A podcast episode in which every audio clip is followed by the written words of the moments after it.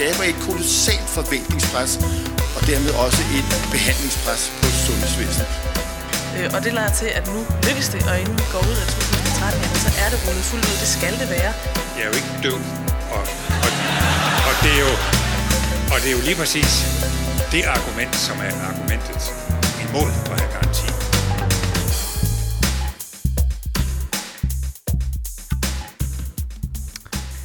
Og velkommen til denne her episode af Stetoskopet. En episode, som er en lille smule øh, speciel, fordi at øh, jeg, Nick, har øh, fået besøg af, kan man sige, to eksterne stetoskopører. Og øh, derfor så vil jeg gerne byde velkommen til, øh, til Teje. Velkommen til. Tak. Og velkommen til Nils også. Tak. Og øh, jeg tænker, at øh, inden vi går i gang med dagens program, og ligesom får introduceret, hvad det skal handle om, vil, vil du så ikke, øh, Teje, lige prøve at introducere dig selv for lytterne? Jo, det vil jeg, det vil jeg gerne. Øh, jeg hedder Terje Martins. Øh, jeg er nordmand, kommer oprindeligt fra Bergen i Norge. Øh, jeg læser medicin i Danmark på 11. semester. Har så boet i Danmark i cirka 5 år nu. Mm. Øh, er rigtig glad for det. Ja, fedt. Det er godt at høre. Mm. Det vil vi godt lide. Og dig, Niels, vil du prøve at introducere dig selv også? Ja, jeg hedder Niels Kvorning. Jeg er oprindelig dansker, men er boet i Sverige frem til at være 19, og er så flyttet tilbage til øh, Danmark igen for at læse medicin, og øh, jeg er så øh, meget håndværkerpræget ved siden af, af studiet. Og det kommer vi til at snakke om lidt senere. Det er ikke sekund tvivl om. Fordi kan man sige, settingen for hele den her tur, som folk måske allerede kan fornemme, er, at der er en dansker, en nordmand og en svensker i studiet. Og hvor er studiet henne? Jamen, vi er taget til Sverige simpelthen, for at komme i stemningen af den nordiske møde, om man så må sige. Og øh, vi sidder her i sådan et, øh, ja, vi kan jo godt erkende det, Niels øh, selvbygget øh, træ-sommerhus, sådan øh, 100 km nord for øh, Malmø. Er det ikke Ja. sådan der? Lige midt ude i skoven, hvor vi er, er en kilometer fra nærmeste nabo igennem tæt øh, smålandsk skov. Så vi øh, er sådan godt pakket ind øh, i, i, i den svenske, svenske skov og bliver beskyttet godt igen, og det kan være, at vi skal ud og skyde vildsvin med senere her, lad mig fortælle og sådan ting. Det må vi se. Men øh, nu, øh, nu skal det så handle om programmet i dag, og hvad skal programmet så handle i dag? Jamen det skal handle om, øh, om, om hvordan det er at være læge i, øh, i Sverige og Norge. Måske lidt Danmark, det ved mange af vores lyttere forhåbentlig. Øh, men vi skal ligesom forsøge at give lidt indblik i, hvordan er det at være, være læge øh, i, i de lande, og især sådan som ung læge. Øh, så vi har været uden, eller I har været ude interview interviewe øh, nogle, øh, nogle, nogle, nogle sådan enten studerende eller læger i enten Norge og Sverige. Og Tag, vil du ikke prøve at introducere hurtigt, hvem du var, du er interviewet? Jo, jeg har snakket med en, der hedder Turid øh, Økland, som øh, er øh, turnusansvarlig i noget, der hedder NMF, som er Norsk Medicin Studenterforening. Øh, Turid læser også øh, medicin til daglig i Aarhus, Mhm. øh, og hun har rigtig meget klogt at fortælle om øh, den nye norske turnusordning, fordi den er nemlig fuldstændig revision. Og der tror jeg, at danskerne også har godt af lige at høre lidt efter. Det tror jeg også. Og Niels, du har, været, øh, du har interviewet en, en, en svensk læge, sådan der. Yes, en, øh, en øh, ung, ambitiøs læge, der hedder Patrick Olsson, uh, og som lige er kommet ind i sin, eller skal lige til at starte på sin introstilling, efter at have haft,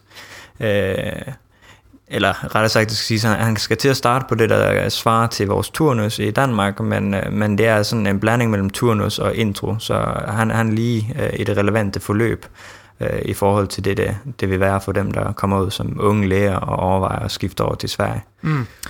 Og så skal vi øh, drille hinanden lidt undervejs.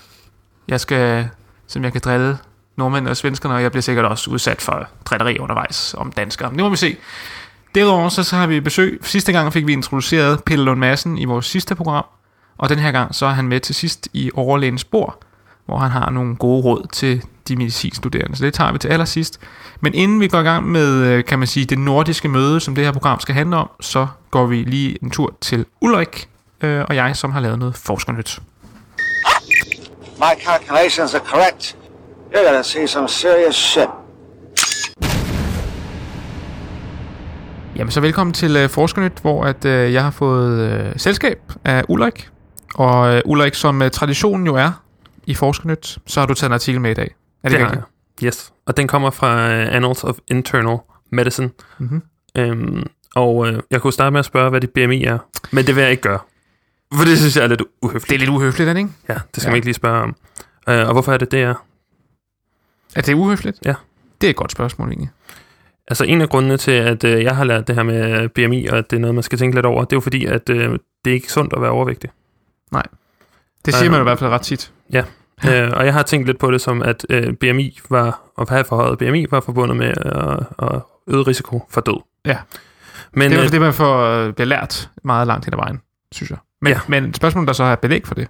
Jamen det er det, som øh, det her studie det lidt ridser op, at øh, tidligere forskning har simpelthen ikke været i stand til at vise, at der er en øget dødelighed for folk, der er overvægtige, når man sammenligner med de normalvægtige. Mm. Og det kom rigtig meget bag for mig, at øh, jeg troede, det her med at være overvægtig rent faktisk øh, var rigtig usundt. Øhm, det de så har øh, gjort i det her studie, som er et kohortestudie, et kæmpestort kohortestudie, hvor de har blandet tre kohorter. Øh, to af dem, det er det her øh, Nurses Health Study, som øh, Mhm. nogle af vores lyttere måske kender. Mm-hmm. Øh, Så det er med de her sygeplejersker, som bliver samlet i en, i en kohorte, og så fuldt over et masse år. Ja, lige præcis. Og det er det, man blandt andet har undersøgt for natarbejde, og Ah. vist, at de har en øget risiko for Ja. Men øh, i det her, den her omgang, der har man altså fulgt dem og kigget på, øh, på BMI, og øh, kohorten udgør øh, af 225.000 kvinder og En lille, en lille slat. Og man har fulgt dem i øh, 12,3 år. Mm. Så, øh, så man har fået et godt indtryk af, hvordan deres øh, BMI svinger, og det er netop det, der er det vigtige. Øh, fordi det, man gjorde, det er, at man har inkluderet de her kohorter, og så har man sagt, hvad var deres umiddelbare BMI? Ja. Mål BMI. Og så har man prøvet at sammenligne det med mortaliteten. Og øh, der er der ikke nogen forskel på, om man er normalvægtig, eller om man er overvægtig. Altså det vil sige, at man har BMI op til 30. Okay, så det vil sige, at deres BMI fra start af, det er sådan, jeg skal forstå det. Ja. Den, den fortæller ikke noget om, hvorvidt man, man dør tidligere. Præcis. Ja. Så hvis jeg spurgte dig nu, hvad er dit BMI, og du sagde, at jeg er faktisk overvægtig, Ja. så, øh, så, så kunne jeg ikke sige, at så er din dødelighed større, end øh, hvis du er normalvægtig. Det er interessant, synes jeg. Øhm, det kom bag for mig, Mm. øhm, men studiet her viser noget helt modsat. Øhm, de har nemlig gjort det, at de har sagt, jamen når vi nu følger dem over tid, hvad så, når vi kigger på deres max BMI? Mm-hmm. Har deres max BMI noget at skulle have sagt? Og når man kigger på max BMI alene, så er overvægtige, så har overvægtige en signifikant øget risiko Mm. for at dø. Okay. Og, øh, og det, det er sådan, det er jo lidt mystisk. Altså det handler så mere om, om man har været overvægtig. Teorien her er, at gruppen af normalvægtige, når man bare måler baseline BMI, indeholder en masse mennesker, som tidligere har været overvægtige, men så har udviklet en kronisk sygdom, Mm. som har gjort, at nu er de blevet normalvægtige, Ja. men er syge. Og når man er syg, så har man jo en øget risiko for at dø. Det det. Og så stiger mortaliteten altså i den normalvægtige gruppe. Og så bliver de to lige pludselig ikke forskellige fra hinanden. Nej. Men når man så kun kigger på det maksimale BMI, så fanger man dem, der altså har været øh, overvægtige. Og det har noget at skulle have sagt i forhold til, øh, om man har en øget mortalitet. Så det vil sige, at man kan sige, at det, det er virkelig nok den her, det her, den her sving, eller den her ændring over tid, som, som er interessant at se på i virkeligheden. I stedet Ja. for bare sådan en enkelt mål, øh, måske fra start eller slut. Det, det kan man øh, udlede fra det her. Øh, og hvad betyder det så øh, for den enkelte? Fordi, Det er øh, et godt spørgsmål. det, øh, det er sådan lidt svært at sige, hvad, hvad kan man bruge det klinisk til? Er det så fordi, at der er en masse, der går rundt med en uerkendt kronisk sygdom, mm. og skal man så ind og diagnostisere dem og alt muligt? Og alt det kliniske... Men man kan sige, at Det er- viser vel stadig, at det, at du har været på et, et max BMI, der har været overvægtigt, så ja. Har du en øget risiko. Så man kan sige, på den måde, så, så frem du er overvægtig, så har du alligevel en eller anden form for øget risiko, ikke? Jo, det er Ja. præcis det, at man kan, man kan med en større st- sikkerhed i stemmen sige, hvis du er overvægtig, så er det usundt. Der er også andre studier, der viser, at reducere øh, vægten nedsætter den mortalitet. Ja, ja, og risiko for udvikling af alle mulige forskellige sygdomme, som man jo ved med hjertekarsygdomme og ja. Sukkersyge og sådan ting. Ja, men, øh, men spændende, at man ligesom øh, for en gang skyld måske får noget, noget syn for sagen. På en eller anden måde. Jo, og man kan sige, det kan godt være, at det måske ikke klinisk kan bruges til så meget, men det er rigtig vigtigt i forhold til forskning inden for det her felt. Altså BMI er jo den stand, standarden, man bruger til at måle, om folk er øh, over- eller undervægtige, om Ja. de har for meget fedt øh, på kroppen osv. Og der mødte rigtig meget kritik, fordi at man kan jo have øget BMI, også fordi man har noget mus- muskelmasse osv. Mm. osv. Øh, men her er der altså et, et tegn på, at den kan godt bruges til at bruges som prædiktor for ja. Øh, dødelighed. Jeg skal love for, at den har været udskilt i, i, i tidernes tid, om man så må sige. Men, øh, Men det kan man måske tage på en anden tidspunkt. ja, det er en det er lang ret lang diskussion. tænker jeg. Helt Så- sikkert. Yes. Så har jeg også lige taget en anden lille godbid med. Ja, det skulle ikke under nogen. Nick, øh, jeg startede i BT, og øh, på BT's hjemmeside, der kunne, øh, der kunne jeg se, at de havde skrevet, at hvis man tog cyklen på arbejde, så kunne det redde ens liv. Spændende. Øh, og Spændende, det var spændende, alt sammen spændende. baseret på et stort forskningsstudie fra øh, videnskab.dk. Okay. Øh, der havde de i hvert fald fået informationerne. Så der gik jeg ind på videnskab.dk, og øh, de havde så fundet øh, ud af det her på newscientist.com. Okay, så vi har simpelthen uh, backtracket historien her. Ja. Ja, Øh, men det var heller ikke New Scientist, der havde lavet studiet. Øh, Nå, det var okay. nok ikke nogen. Det var faktisk uh, British Medical Journal, som havde udgivet det her studie, som, uh, som blev udført i Glasgow. Okay. Og øhm, det her øh, det er også et stort kohortestudie, ligesom det vi lige har snakket om.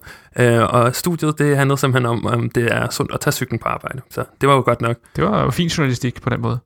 Øh, og det, det viser er også, at der er nedsat dødelighed, øh, hvis man cykler til arbejde. Mhm. Der, hvor den så lige knækker, det er det der med, at man kan hoppe op på cyklen, og så øh, ved at lave den intervention for sig selv, så kan man nedsætte sin egen dødelighed. For det er overhovedet ikke det, studiet Ja, viser. det, det kunne jeg godt forestille mig, især når det virker ikke ligefrem som et uh, interventionsstudie. Nej, det er et klassisk observationelt studie, øh, og det kan man også sige med det andet studie, vi lige snakkede om, at øh, der er altså en masse confounding øh, i det, og det prøver man jo så vidt muligt at justere sig ud af, men øh, det, det kan man simpelthen ikke. Man kan ikke justere for øh, alt i verden.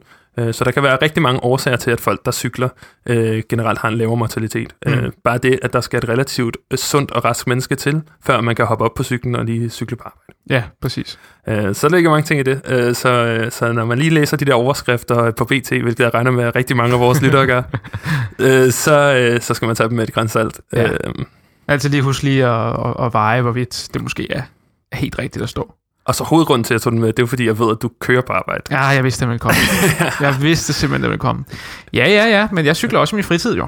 Nå, okay. Ja, ja, ja, ja. ja. Så, øh, så jeg synes, jeg holder mig fri af den diskussion. Nå, men således... Det var øh, smart sagt. Ja, det synes du ikke. Øh, men således, øh, kan man sige, opmuntret på, øh, på Cyklistforbundets vegne, eller hvad man skulle sige, så, øh, så siger vi tak til Ulrik. Jeg vil lige øh, slutte af med at sige, Nick, at Ja. øh, man kan gå ind og læse, øh, finde artiklerne inde på vores øh, hjemmeside, stetoskopet.nu, hvis man vil læse dem øh, lidt grundigt igennem. Og så er man velkommen til at sende en mail ind til os, hvis man øh, har hørt et eller andet, som man, man synes var helt hen i vejret. Og det er så interessant, og ligesom, øh, når, man, når man lige præcis får de der journalistiske øh, vinklede historier, og så faktisk læse det, der er baggrund for det, så kan man nogle gange blive lige smule klogere på, hvad der foregår. Det kan man. Tak for, at du kom, og øh, så sender vi øh, stafetten tilbage til Småland.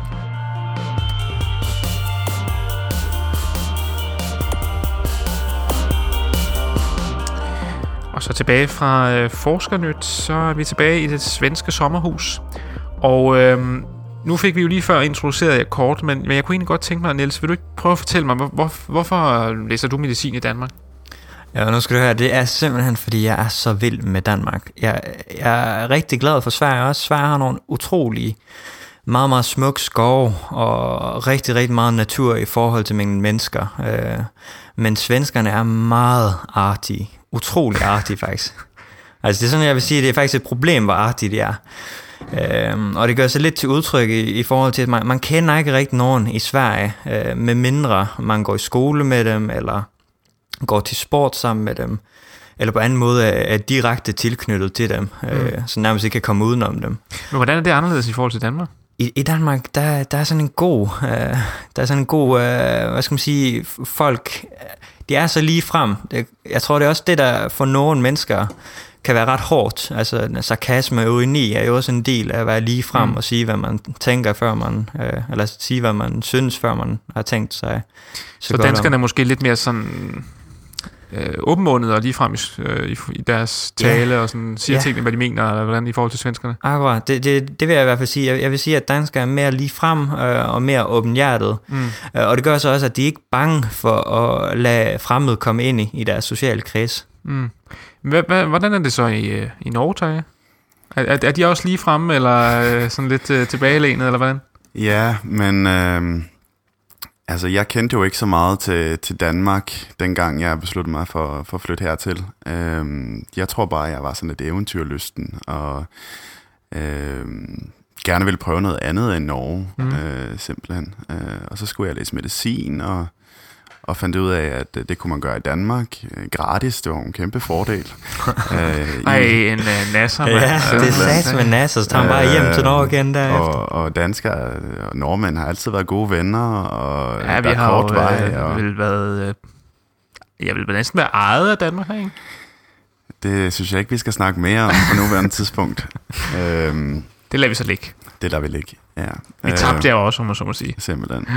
Men, øh, men øh, og jeg tænkte, sproget kunne man sagtens forstå. Jeg havde været i København på en, en gang tidligere, jeg synes, det var en smuk by. Så jeg søgte mm. herhen og kom ind og tog herned uden nogen... Øh, nogen altså, jeg vidste ikke rigtig, hvad jeg skulle forvente mm. af det. Hvordan, Øh, hvordan er det så at være øh, sådan ung nordmand i Danmark? Er det, sådan, er det, er det nemt at falde ind, eller hvordan, øh, hvordan oplever du det? Jamen, øh, nu har jeg boet her i fem år, og, og, og jeg synes jo, at sproget var en udfordring i starten. Mm. Ikke så meget det der med at, at forstå, øh, hvad der blev sagt, fordi det lærer man hurtigt, men Mm. at, at blive forstået, det mm. synes jeg var det synes jeg var rigtig svært, og det, som I kan høre, så taler jeg jo mere dansk end, end norsk øh, i dag, og det har også været en proces Ja. øh, som har taget rigtig mange år at, at, at finde ud af. Så, men, øh, men når først det ligesom kom på plads, så, øh, så, har der, så har det kun været skønt Mm. mm. derfra, og I er så venlige. Og, Nej, vi sidder her også solstrål. Jeg solstråler mig i noget, som jeg måske ikke er sikker på, at vi kan leve op til. Men Terje, synes du ikke også, altså nu har jeg også været en del i Norge, og har sådan nogle norske kammerater og lignende. Synes du ikke også, at, at danskerne er meget lige frem? Jo, bestemt, øh, og, og jeg kender jo ikke så meget til svenskerne, men, men, øh, men nordmænd Det er fordi er, norskerne ikke kan fordrage svensker. Ja, det er selvfølgelig rigtigt. men men, øh, øh, men øh, danskerne er, øh, altså, øh, at nordmænd er lidt, nok lidt mere reserveret end, end, end danskere. Øh, og jeg kan også godt mærke, at, at jeg nok er lidt mere, altså jeg er nordmand, jeg, jeg er nok lidt mere reserveret end jeg, og lidt mindre energisk sådan. Øh, så må vi få lært dig lidt noget energi. ja. ud af sådan.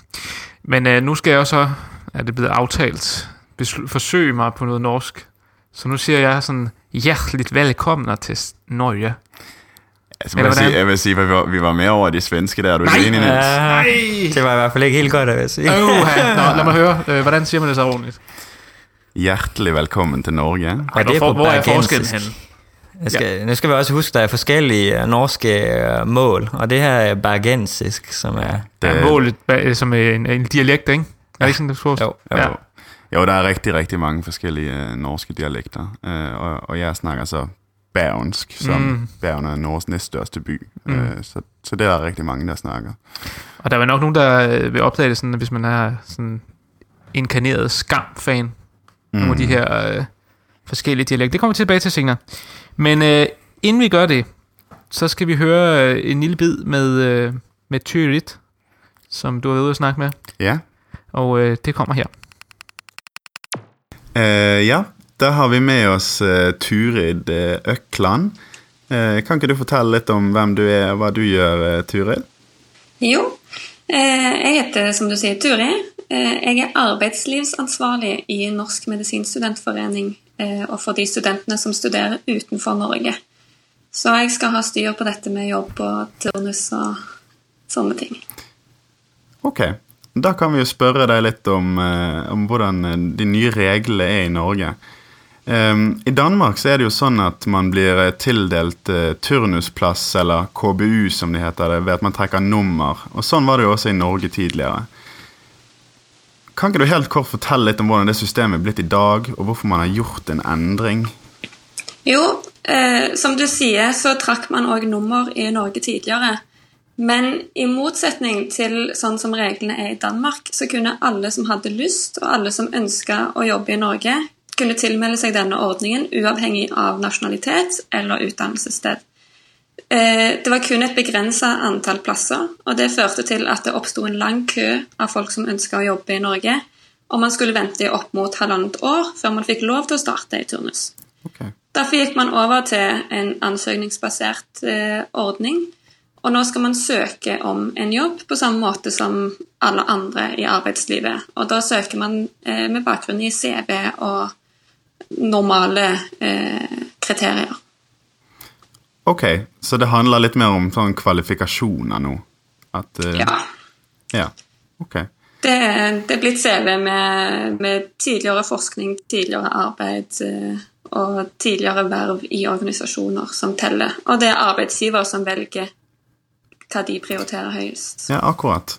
Og det er den, altså den nye endringen i, i norske turnusregler. Men det er også kommet en endring i, hva gjelder sånn selve spesialiseringen for leger. Ja. Kan ikke du fortelle litt om det? Jo, og det er egentlig den største endringen akkurat nå. Eh, og det er fordi at tidligere i Norge så har systemet vært sånn at man har studert medisin på universitetet. Så har man starta i en turnusstilling. Og når turnus er gjennomført, så har man begynt sin spesialisering, eller sin hovedutdannelsesstilling, eh, som det heter i Danmark. Eh, nå har vi endra det, Eh, og hele turnusstillingen den forsvinner. Så fra 2017 så går man nå direkte fra universitetet og over i en hovedutdannelsesstilling. Innholdet i turnusstillingen eksisterer fortsatt, men den er nå inkorporert i spesialiseringsstillingen. Så turnus, eh, som, som det det har vært tidligere, er helt strukturelt, strukturelt vekke fra systemet i dag. Okay, så øh, Terje, øh, vil, det, vil det så i princip sige, at tidligere så har de haft noget, der lignede virkelig meget det, vi havde i Danmark, med at man trækker et nummer, og så gik man i turnus øh, ud fra, øh, hvor, hvor godt nummer man havde fået, øh, og så kunne hvem som helst søge. Ja, det er rigtigt forstået. Øhm, og øh, det er jo sådan, at øh, der er rigtig, rigtig mange øh, norske øh, medicinstuderende, som læser blandt andet i udlandet. Det, er- det er utroligt populært at, at, at læse i Østeuropa for eksempel. Øhm, og så blev der så et kæmpe pres, når de alle sammen skulle tilbage til Norge for at, at, at tage turnus. Så er det som Ture siger, at øh, der kan være op til halvandet, år vente, halvandet års ventetid øh, for at få turnusplads i, i Norge med den gamle ordning. Og det har man så forsøgt at løse ved at lave en mere ansøgningsbaseret øh, ordning. Ja, og så lidt mere sådan, at det faktisk bliver kombineret lidt med specialisering også. At det sådan forstår jeg det i hvert Ja, fald. det er jo også, øh, det er jo også sådan det nye, at øh, som hun siger, at øh, øh, turnus, som vi kender den fra tidligere, den, den er sådan, øh, hvad skal man sige, forsvundet eller fjernet øh, fra det norske system. Det vil sige, at de elementer, som øh, var integreret i en, i en tidligere turnus, de Mm. eksisterer stadig, Mm. men det er så blevet del af en specialiseringsuddannelse øh, for læger.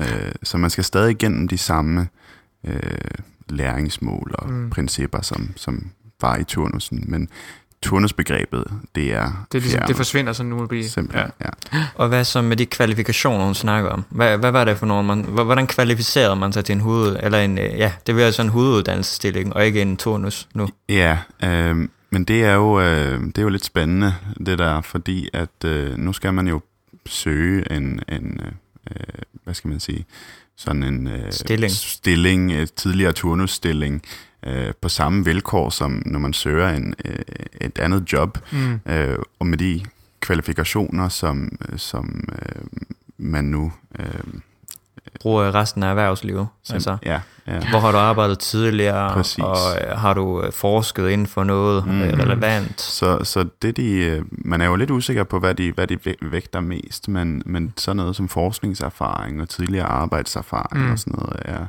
er rigtig, rigtig vigtigt. Mm. Og så siger danskeren, som gerne vil op og arbejde i Norge, hvad med mig? Er det slut med at tjene Ja, ja, hvad gode med dig? penge? Ja, men det, det kan vi jo høre lidt mere om, fordi øh, det vil Turit gerne øh, også, også svare på. Ja, det tænker jeg nok, hun fortalte noget om. Så øh, her kommer næste klip med Tyrit. Mange nordmenn studerer jo, eh, i likhet med meg og deg, eh, medisin i utlandet. Ikke bare Norden, men også flere land i Østeuropa er populære studiesteder.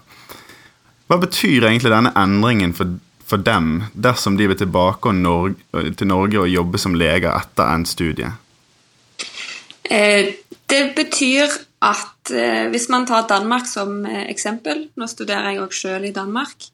Eh, så skal vi gjennomføre en dansk KBU før vi kan dra hjem til Norge og starte i en spesialiseringsstilling. Eh, det er fordi at de danske reglene, og dette er litt komplisert De danske reglene for autorisasjon er sånn at man får autorisasjon som lege når vi er ferdige på universitetet, men først tillatelse til selvstendig virke når vi er ferdige med KBU og skal starte i en intro. Norge har hatt et lignende system tidligere, og derfor så kunne eh, alle nyutdannede leger fra Danmark som ønska det, kunne komme til Norge, gjennomføre turnus og få en full autorisasjon etter gjennomført norsk turnus. Nå som turnusen strukturelt forsvinner, så forsvinner òg den muligheten. Det blir derfor et krav at man har full autorisasjon eller tillatelse til selvstendig virke før man starter i norsk spesialisering, og da faktisk òg før man starter i en norsk turnus. Ok. Så norske medisinstudenter får altså autorisasjon med en gang de er ferdig med medisinstudiet. Det stemmer. Mens danske medisinstudenter skal gjennom en turnus eller KBU for å få autorisasjon. Ja. Og det, derfor er disse reglene forskjellige, eh, avhengig av hvilket land man studerer i. Eh, det er òg mange norske medisinstudenter i Øst-Europa, som du nevnte. De fleste der, f.eks. i Ungarn, de vil òg få autorisasjon med en gang de er ferdige på universitetet, og vil derfor kunne reise rett hjem. Men alle norske medisinstudenter som studerer i land der det landet har noen andre autorisasjonsregler, må skaffe seg autorisasjon i utdanningslandet før de kan dra hjem. Ok, så det betyr egentlig da at eh, folk, altså oss som studerer i Danmark nå og i fremtiden, blir på en måte tvunget til å ta en KBU i Danmark før vi eventuelt reiser tilbake til Norge og jobber som leger. Det stemmer. Ja. ja, men så er det jo litt eh, interessant dette her, for det at Norge er jo et veldig attraktivt land eh, å jobbe i for, for utenlandske leger. Eh, blant annet på grunn av eh, altså, høye lønninger og gunstige arbeidsforhold. Hvilken betydning har denne endringen for nyutdannede danske leger som, som har lyst til å dra til Norge for å jobbe? Egentlig er reglene for norske og danske statsborgere helt like. Eh, når det er et ansøkningsbasert system, så er det arbeidsgiver som velger hvem de vil ansette. Eh, og det norske og danske sunnhetssystemet er så likt at det vil være vanskelig å skille nors- nordmenn og dansker fra hverandre. Eh, mange danske nyutdannede leger har tidligere dratt til Norge eh, og jobba før KBU for å unngå fem, nå seksårsregelen. Eh, det vil bli vanskeligere fordi at man før KBU ikke har tillatelse til selvstendig virke. Eh, det kan være at det fortsatt vil være noen eh, uklassifiserte stillinger som man vil kunne søke i uten full autorisasjon, men det er mange norske medisinstudenter som eh, i det søknadsbaserte systemet fortsatt ikke får jobb med en gang. Og hvis de da har autorisasjon, vil de ofte prioriteres. Eh, og jeg har vært inne og undersøkt eh, hos noen av disse rekrutteringsselskapene som har pleid å importere danske leger til Norge, og til spesielt utkantsteder. Eh, og de har nå som krav, veldig mange av de, at man skal ha fullført KBU før man kommer til Norge og jobber. De fleste stillingene som dansker tar i Norge, er i allmenn praksis. Og der er systemet litt likt som i Danmark, at man får penger fra den norske stat etter hvilke prosedyrer man utfører. Eh, man har kun lov til å søke om disse pengene hvis man har fullført eh, norsk turnus, eller den første delen av spesialiseringen på sykehus.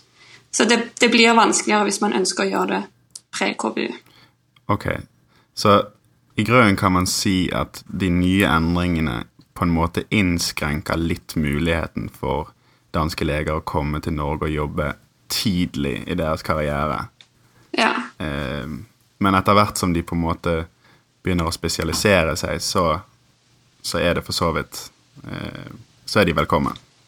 Ja, det er de. Og der vil de i mange tilfeller bli likestilt med nordmenn fordi at eh, den, den kunnskapen man har med fra Danmark, blir anerkjent eh, i Norge. Ja. Øv, øv, og er der jo. Og det siger Nick, fordi nu kan han pludselig ikke gå direkte fra sit afsluttede medicinstudie i Danmark, og så over i Norge, og så starte på en, en, en blandet uh, turnus- og hoveduddannelsesstilling. Jeg havde der. lige håbet, at jeg skulle op og tjene nogle penge. Og det, det kan han så simpelthen ikke, fordi i Danmark, der er vi ikke øh, klar til selvstændig virke direkte efter studiet. Vi skal først igennem en turnus, før vi får den øh, kvalifikation. Og i Norge, der kommer man så efter det her, hvis jeg har forstået det rigtigt, Terje, så vil man øh, direkte efter afsluttet medicinstudie i Norge have et, et, et, en, en kvalifikation, der siger, at du, du kan sagtens øh, have et selvstændigt virke. Mm, Du har simpelthen autorisation allerede til det der. Ja, det, er- det er rigtigt forstået. Men det, som hun også siger, det er jo, at det gælder ikke kun for jer danskere. Det gælder jo også for, for os øh, nordmænd, der læser altså medicin Så det vil sige, du skal Danmark. også øh, igennem en dansk KBU først, eller hvordan? Ja, altså nu er jo jeg faktisk, øh, øh, jeg er jo så- sådan inde i den der overgangsperiode, for de har nemlig også lavet sådan en. Øh, så jeg er faktisk, så vidt jeg har forstået, øh, blandt de aller sidste, som kan tage direkte op til Norge Mm. øh, og, og, og starte i en, øh, en, en specialisering og få øh, altså licens til autorisation Okay. øh, med det samme. Og det vil sige, at du er ikke nødt til at tage din turnus i Danmark, før du tager til Norge, hvis det er det, rigtigt. du jeg ønsker. er ikke nødt til det, men stort set alle dem, der kommer efter mig, Og du går så på 11. jeg går semester på nu, 11. semester, så og jeg er færdig til februar 2018. Det er rigtigt, ja.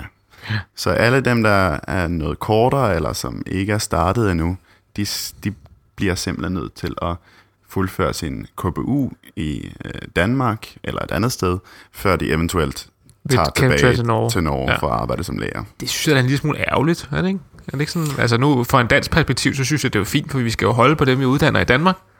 Men, men er det ikke sådan lidt indskrænkende? Øh, det vil det jo være for nogle individer selvfølgelig, mm. øh, men, men øh, det er jo klart, at det, det norske system har haft en kæmpe udfordring, Mm. Fordi at der har været så stor pres på, på systemet. Og man kan vel også sige, at nu hvor der er gået over til at være en form for erhvervsordning, hvor man simpelthen skal kvalificere sig med et Mm. CV som til, til et hvert andet arbejde inden for, øh, for det private, Mm. så, øh, så er det jo sådan set fornuftigt nok, at man har et år til at kvalificere sig i løbet af sin turnus, hvor man så også skal prøve at eventuelt forske ved siden af, eller tage nogle ansvar, som mm, kvalificerer en. Bestemt, bestemt. Øh, altså min personlige mening er jo, at, øh, at Danmark er noget langt, noget langt øh, altså længere med for eksempel, inden for for eksempel forskning, Mm. øh, hvor nogen måske vil mene, der er gået lidt inflation i forskningen blandt medicinstuderende i, Ja. i Danmark, men, men alligevel, I, er rigtig langt, øh, hvad gælder forskning, og det, jeg synes altså, Norge halter lidt på det område. Mm. Mm. Og det her kan altså motivere de studerende til at engagere sig lidt, i, lidt mere i for eksempel forskning, før Ja. at de søger ind på.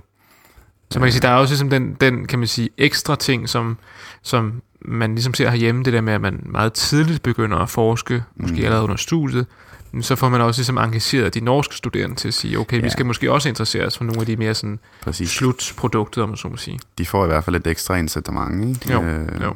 Så skal vi huske, at en arbejdsgiver er jo ikke udelukkende interesseret i forskning, men også ansvarsområdet. Der er jo altid plads til den øh, engagerede unge individ, der er villig at tage nogle arbejdsopgaver, som ingen anden gider at tage. Og det, det vil jo også være en mulighed for dem Mm. at kvalificere sig mm. til det norske system. Ja, og de vægter også øh, sådan noget som øh, humanitært, frivilligt arbejde rigtig højt, ved jeg. Okay. Øhm, Ja, det er spændende. Altså, det, der er nogle omvæltninger, altså store, øh, kan man sige, ændringer på vej. Det lyder mm. som om i den norske. Øh, som dansker, så øh, er det bare pisseirriterende. Men øh, fair nok, øh, sådan er det. Det må jeg jo leve med. Øh, så nu skifter vi øh, fuldkommen spor og sprog, så nu skal jeg forsøge at prata svensker.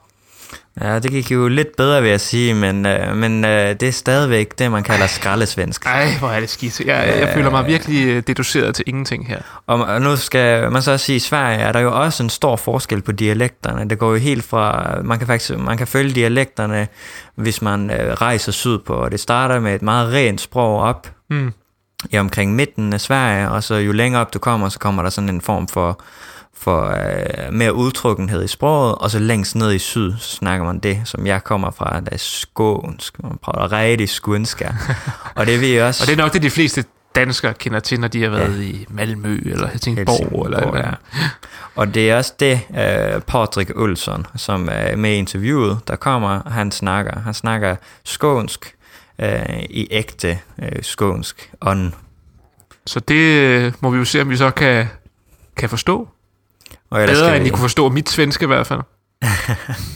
det kommer her. Hej Patrik. Det, välkommen till Stetoskopet podcast för medicinstuderande och unga läkare eller läkare i Danmark. Vill du inte börja med att berätta lite om dig själv? Jo men absolut. Patrik Olsson heter jag.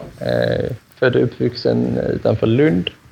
Jobbar som AT-läkare i Helsingborg och är också doktorand vid Lunds universitet. Fett. Vill du inte berätta för mig hur det svenska systemet är för en ung läkare som ska börja på sin AT-tjänst och ST-tjänst?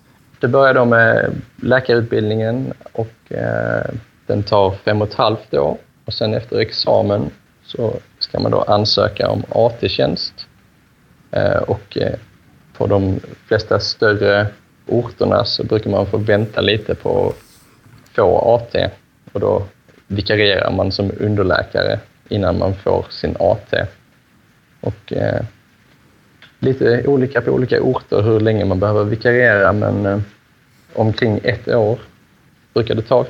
Så man är, man är färdig läkare eh, efter hur många år tar läkarstudiet? Fem och ett halvt år.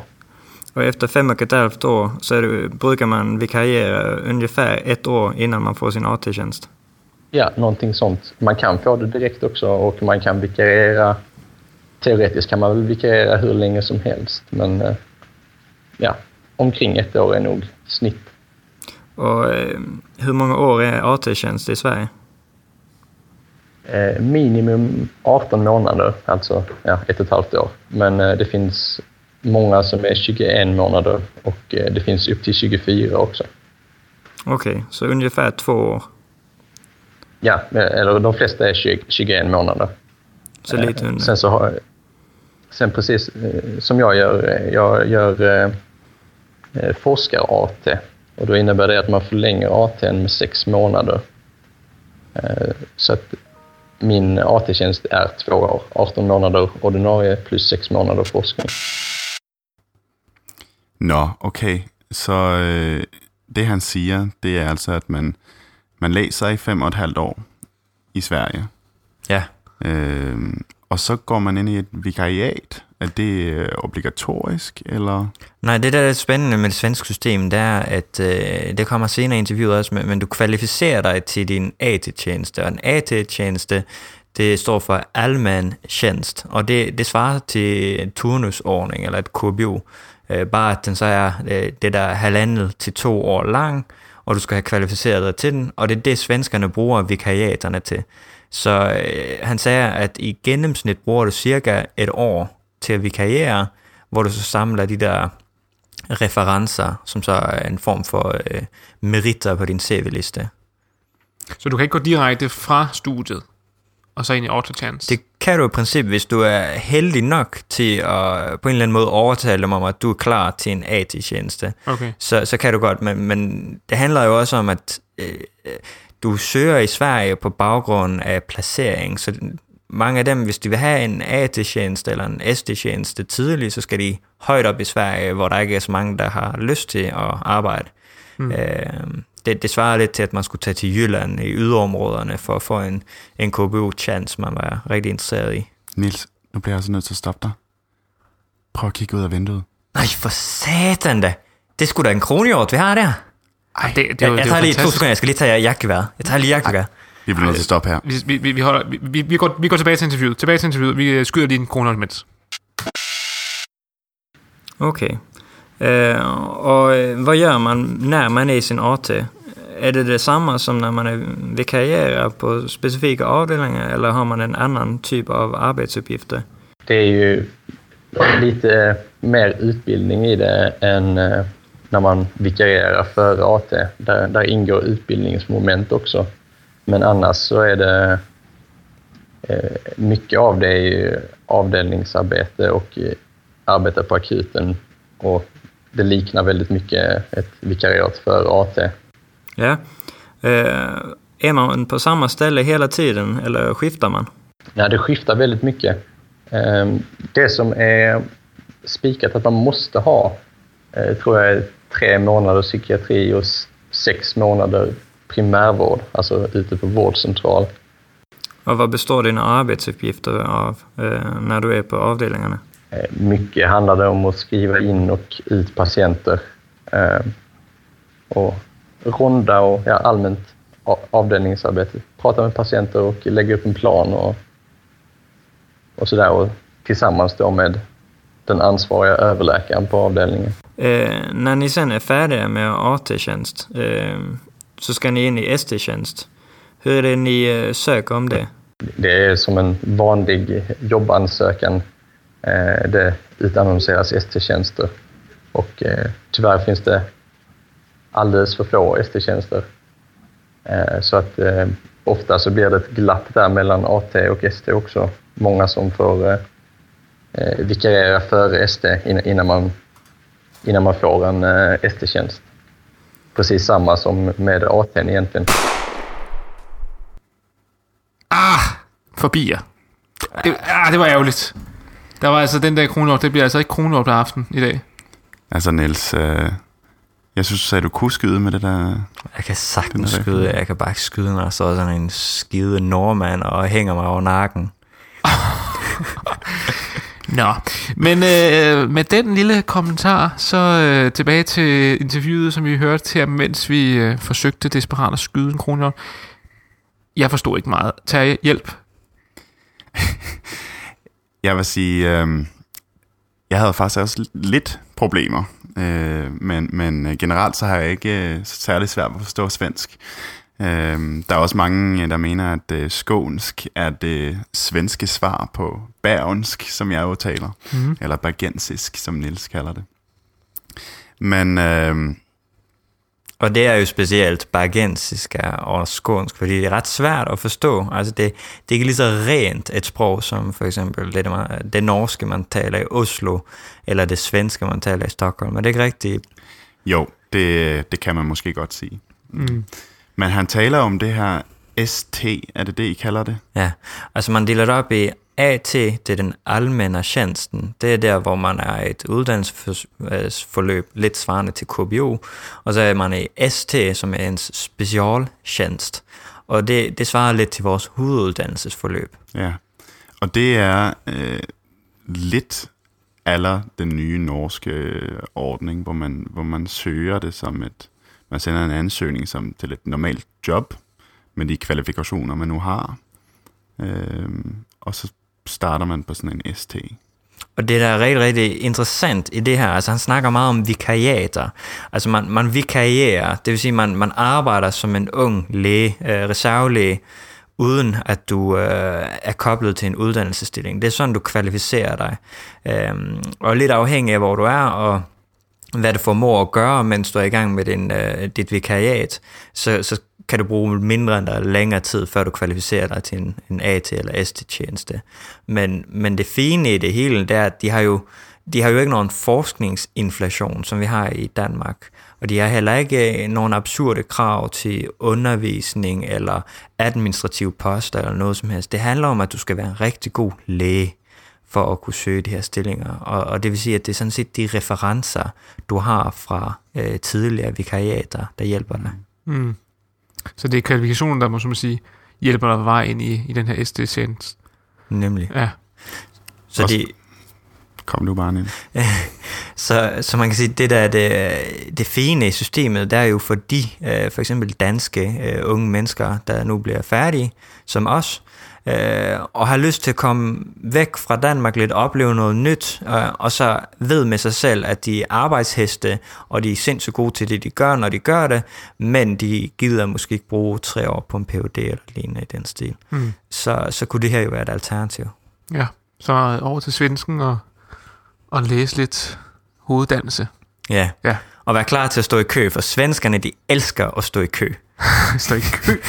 Det er en Ah. artighedsprincip, det er gang i. Okay, simpelthen. Jamen, det er jo fantastisk. Nå, men øh, vi hørte også en lille smule om, at øh, Patrick han øh, forskede i forbindelse med sin øh, At The Chance. Hvad, øh, hvad, hvad går du ud på, Niels? Ja, det er så også et spændende tiltag, fordi i Sverige så handler det, som jeg kan forstå det ud fra, hvad Patrick siger, om at øh, forske, hvis man rigtig gerne vil forske.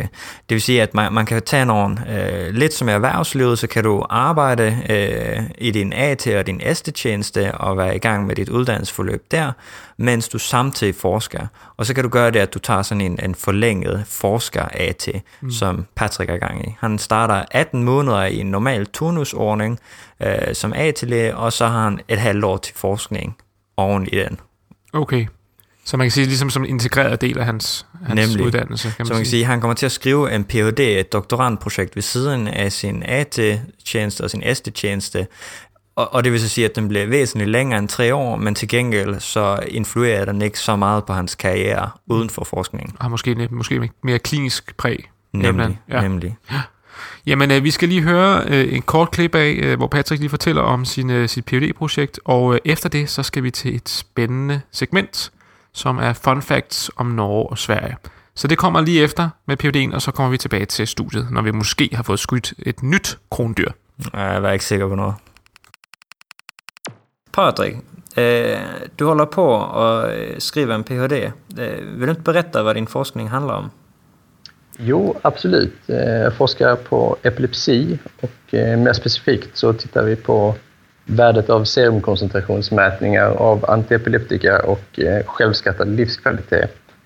Och vi har precis avslutat en studie här där vi har en grupp som står på behandling med levetiracetam, originalpreparat, det vill säga Keppra, som eh, byter till generika. Och så följer vi upp dem med serumkoncentrationsmätningar och, och ser vad som händer.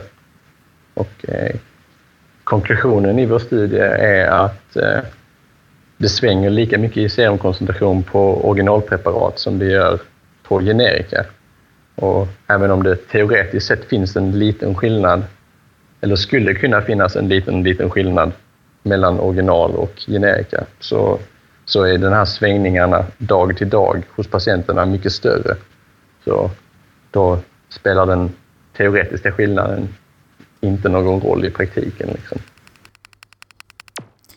Nå, så hørte vi lidt om øh, Patricks Ph.D., og det var sikkert meget spændende, men øh, det eneste, jeg fattede, det var epilepsi.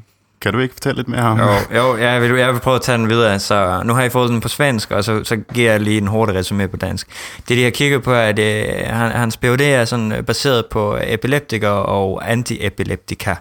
Øh, og det, de specifikt har kigget på det studie, han beskriver, det er, øh, hvordan forskellen i originalpræparatet og, og de nye øh, generika, der kommer, øh, indvirker på øh, serumkoncentrationen i patienterne. Og øh, der har øh, været flere patienter tidligere, der har sagt, at øh, jamen, de, de mener ikke, at de får den samme effekt af generika, som de fik af originalpræparatet, og det var det, som var hele øh, baggrunden for at lave den her undersøgelse. Og de fandt, at døgnkoncentrationsforandringerne er større inden for originalpræparatet, end hvad forskellen mellem øh, originalpræparat og generika er. Så i, øh, i praktikken er der, og i teorien er der ikke nogen forskel på de to øh, præparater for patientens øh, behandling. Øh, og de, de har så den teori, at årsagen til, at man, øh, man føler en forskel, det er simpelthen, at der, der er en psykologisk vane ved at bruge det der originalpræparat, og, og så bliver den taget fra en, kan man sige. Okay, øhm, så blev det jo lidt, øh, lidt teknisk, men øh, essensen er vel, at øh, der er rigelig mulighed for at forske i Sverige.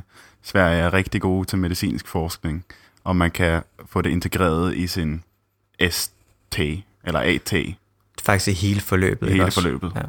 Så, så de, de øh, lægger meget op til den forskertradition, der ligger i Sverige. Så man, man skal ikke, øh, man kan sagtens vælge Sverige, hvis man vil øh, arbejde sig til sin uddannelse, men man kan også sagtens vælge det, hvis man har noget forskning ved siden af. Det, man skal vide, er bare, at man, man gør det, fordi man har lyst til at bo i Sverige, og fordi man har lyst til at prøve noget nyt. Man gør det ikke på grund af uddannelsen, for det, det ligner meget hinanden. Mm. Og så fik vi lige en øh, lille ekstra øh, forskernyt med ind i programmet. Så tak til det, Patrick, for det. Og øh, så går vi videre til de øh, spændende fun facts.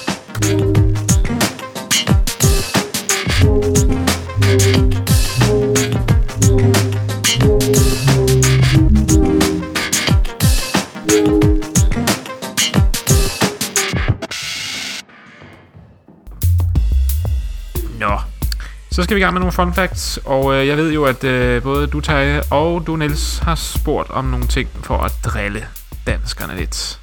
Eller hvordan? Ah, jeg vil mere sige, uh, bare for at sætte lidt perspektiv på uh, forskellen. Okay. Eller hvad siger du? Ja, altså, det er jo ikke så svært at, at vise, hvorfor at øh, Norge og Sverige er, er to fædre land end Danmark. Altså. Jamen, øh, lad os kaste os ud i det. Så her starter vi først med den norske, og så slutter vi af med den svenske. Det er jo kjent at, at veldig mange danske leger kommer nemlig til utkants-Norge for, for å, å jobbe. Eh, litt ute på landet, som, eh, som vi sier. Eh, og Norge er jo et ganske stort land. Og jeg vet at du, Ture, du har en, du har en fun fact eh, om eh, hvor stort Norge er i forhold til Danmark. Ja, det kan eh, noen ganger være vanskelig for Danmark, eh, eller for dansker, å, å forstå hvor stort Norge egentlig er, og hvor store avstander det er. Eh, og for et sånn billedlig uttrykk for det, det er at Norge er oppdelt i 19 fylker, eller amt. Eh, Det nordligste fylket i Norge heter Finnmark, og geografisk er det større enn hele Danmark til sammen. Så Ja. det er ganske stort. Så kan dere tygge litt på den, eh, dansker. Hur mycket kostar det att köpa en Volvo? Ja, det kostar nog eh, 400 000 gissar jag på. 400 000. Ja. Det, eh, Det var en kostar, gissning. Kostar ungefär en och en halv miljon här. Du får, du får googla på det. Ja, gött. Tack för det Patrik. Nå, men så fik vi lige tværet danskerne lidt ud med... Hvor meget koster en Volvo i Danmark? Det er, Ja, nu skal jeg bare høre her. Det er simpelthen en uh, prisliste på en Volvo XC90 T5 AVD med 254 hestekræfter. Det er noget mere end de der 60, som Nicks bil har. Så, så, så, så.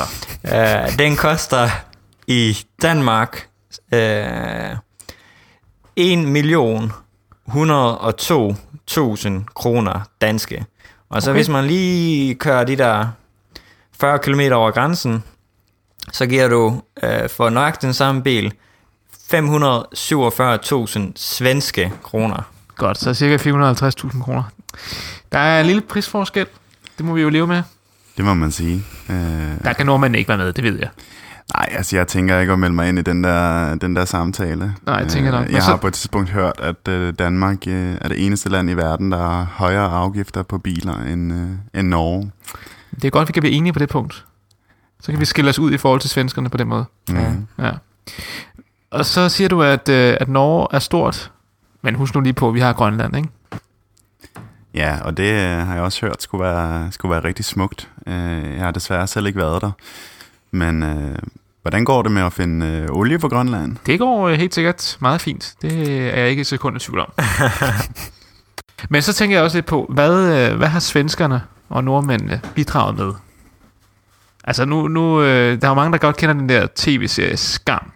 Og Terje, jeg ved, at du er fan. Som, Ja, altså jeg er nok ikke lige så stor fan som øh, Bertel Hårder. øh, han har Nej. vist udtalt, at, øh, at øh, Skam det er det bedste, der er sket inden øh, nordisk tv-produktion siden øh, Pippi Langstrømpe, som vi jo fik fra svenskerne i sin tid. Øhm, men, øh, men jo, det, jeg synes, den indkapsler det der med at være øh, ung og gå i skole i, i, i Norge på en, øh, på en meget fin måde. synes du det, kan du drage paralleller til din egen tid? Altså, nu skal jeg ikke afsløre for meget fra min egen tid, øh, øh, men, øh, men bestemt, øh, det der med, med russetid og sådan noget, det er jo øh, et begreb, som, øh, som det er meget sjovt, at danskerne endelig, endelig ligesom er, er, har stiftet bekendtskab med. Det er vi blevet gode til, I tror jeg. troede, jeg har jo ligesom helt siden jeg øh, flyttede til Danmark hørt om de der øh, den der ruskørsel, eller hvad I nu kalder det, med de der lidt, øh, øh, ja, sådan lidt halvslappe vogne, I kører rundt i, ikke? Det synes, jeg, synes, det, var- jeg synes, det var en god tradition Ja, at bruge. det, det er det, det, er, det er det nok Men, men. I bruger så alligevel tre år på at planlægge den, eller hvordan? Ja, vi har jo, øh, vi har jo øh, jeg plejer at sige sådan en ruskørsel på steroider, ikke? Altså, hvor det er en periode på tre uger, hvor vi kører rundt der.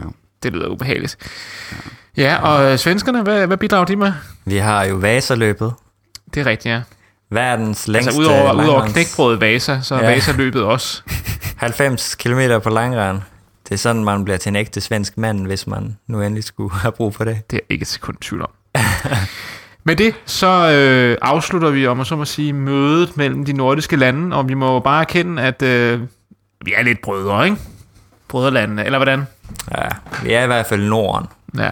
Vi kan i hvert fald godt øh, umiddelbart lide hinanden, men vi måske kan lide så mange andre lande, så det er måske meget, øh, meget positivt. Ja, altså det trods for, at de begge to har ejet os på et tidspunkt, ikke? Så, Jo, det, øh, det, det, det burde det er faktisk jo stadig lidt bitter over, kan man sige. Men, øh, Det er nordmændene, der er bitter. Det kan vi ikke tage os af, vel, ja. Og det vil jeg sige, det, det kan man altså stadigvæk godt fornemme, at der er nogle nordmænd, der ikke rigtig er kommet sig over det i forhold til og det svenskerne. er selvfølgelig rigtigt, men vi kompenserer jo ved ved at være rigere end begge. Ja, det er rigtigt. Det er så problemet. Der, der, skal vi virkelig, øh, der skal vi virkelig arbejde på det, vil jeg sige. Var det ikke også noget med, at Danmark lige mistede øh, olievand øh, for få Grønland? Ah, det tror jeg ikke. Det er vist noget med, at man ikke vil udvinde det. Eller sådan. det. Det er en helt anden diskussion. Den kan vi tage på et senere tidspunkt. Men øh, ellers så vil jeg gerne sige øh, selvfølgelig tak til vores øh, to personer, der var med fra enten Norge og Sverige, og så selvfølgelig øh, til Tage og til Nils for at I gad at være med til at lave det her program. Det var hyggeligt. Selv tak. Så Selv det kan tak. være, at vi skal prøve at gå ud og skyde et vildt svin nu. Ja. Eller hvordan? Eller måske skulle, skulle vi øh, afslutte med en øh, joke. Og er det noget med, du har en jagtjoke, Niels? Jo, det er i hvert fald en øh, kirurg, en mediciner og en patolog, der er ude på jagt sammen.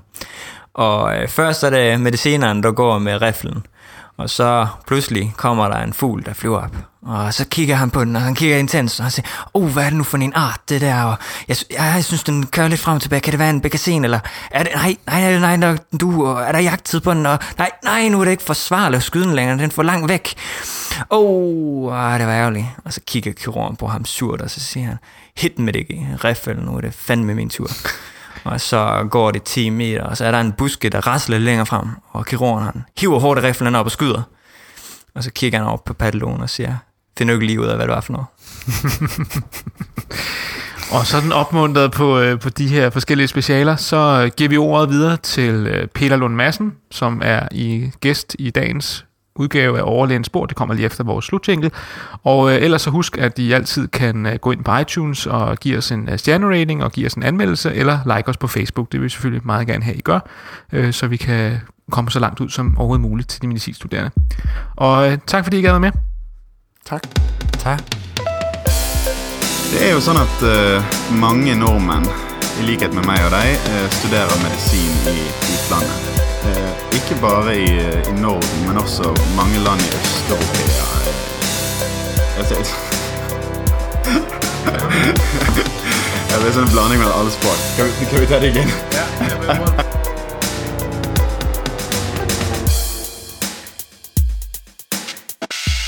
Velkommen til Overlægens Spor. Ja, jeg vil allerførst øh, gerne undskylde, øh, at, at jeg udtaler mig her, selvom jeg ikke er overlæge. Øh, men øh, men øh, jo, jeg vil sige, jeg har flere, øh, synes jeg selv, vigtige beskeder. Øh, og den første vigtige besked, øh, den lyder hippieagtig, men, øh, men den er meget, meget vigtig. Øh, og det er, at øh, når I møder jeres patienter, og nogle af dem øh, vil jo selvfølgelig være enormt irriterende, øh, så skal I, I, skal, I skal behandle dem som ligemænd. Og I skal, I skal, hvis I virkelig gerne vil blive gode læger, så skal I meditere lidt over begrebet at behandle patienter som ligemænd. Hvad betyder det i virkeligheden? Og det skal I finde ud af inden jeg jeres sind. Øh, og når jeg har fundet ud af det, så skal jeg gå ud og tage konsekvensen af det. Det er det ene, jeg vil sige. Det andet, jeg vil sige, det er, øh, i modsætning til, hvad jeg fik at vide, dengang jeg blev læge, nemlig at det hele var noget skidt, så vil jeg sige til jer, at lægejobbet er det fedeste job. Lægeuddannelsen er den fedeste uddannelse. I kan få næsten hvilket som helst job, hvilket som helst sted på jorden. Og lægejobbet på et dansk hospital er et fantastisk meningsfyldt stykke arbejde. Så, øh, så, så der er alt, alt god grund til at være glad og tilfreds med, hvor I kommer hen. Øhm, og jeg har flere ting. Øh, jeg må også sige, selvom det kan virke måske øh, som mærkeligt ord, så vil jeg sige, I skulle lige genoverveje øh, måske øh, at blive psykiater. Øh, det er til synligheden et lidt rodet speciale, men det er et speciale, hvor du vidderligt har muligheden for at gøre noget godt.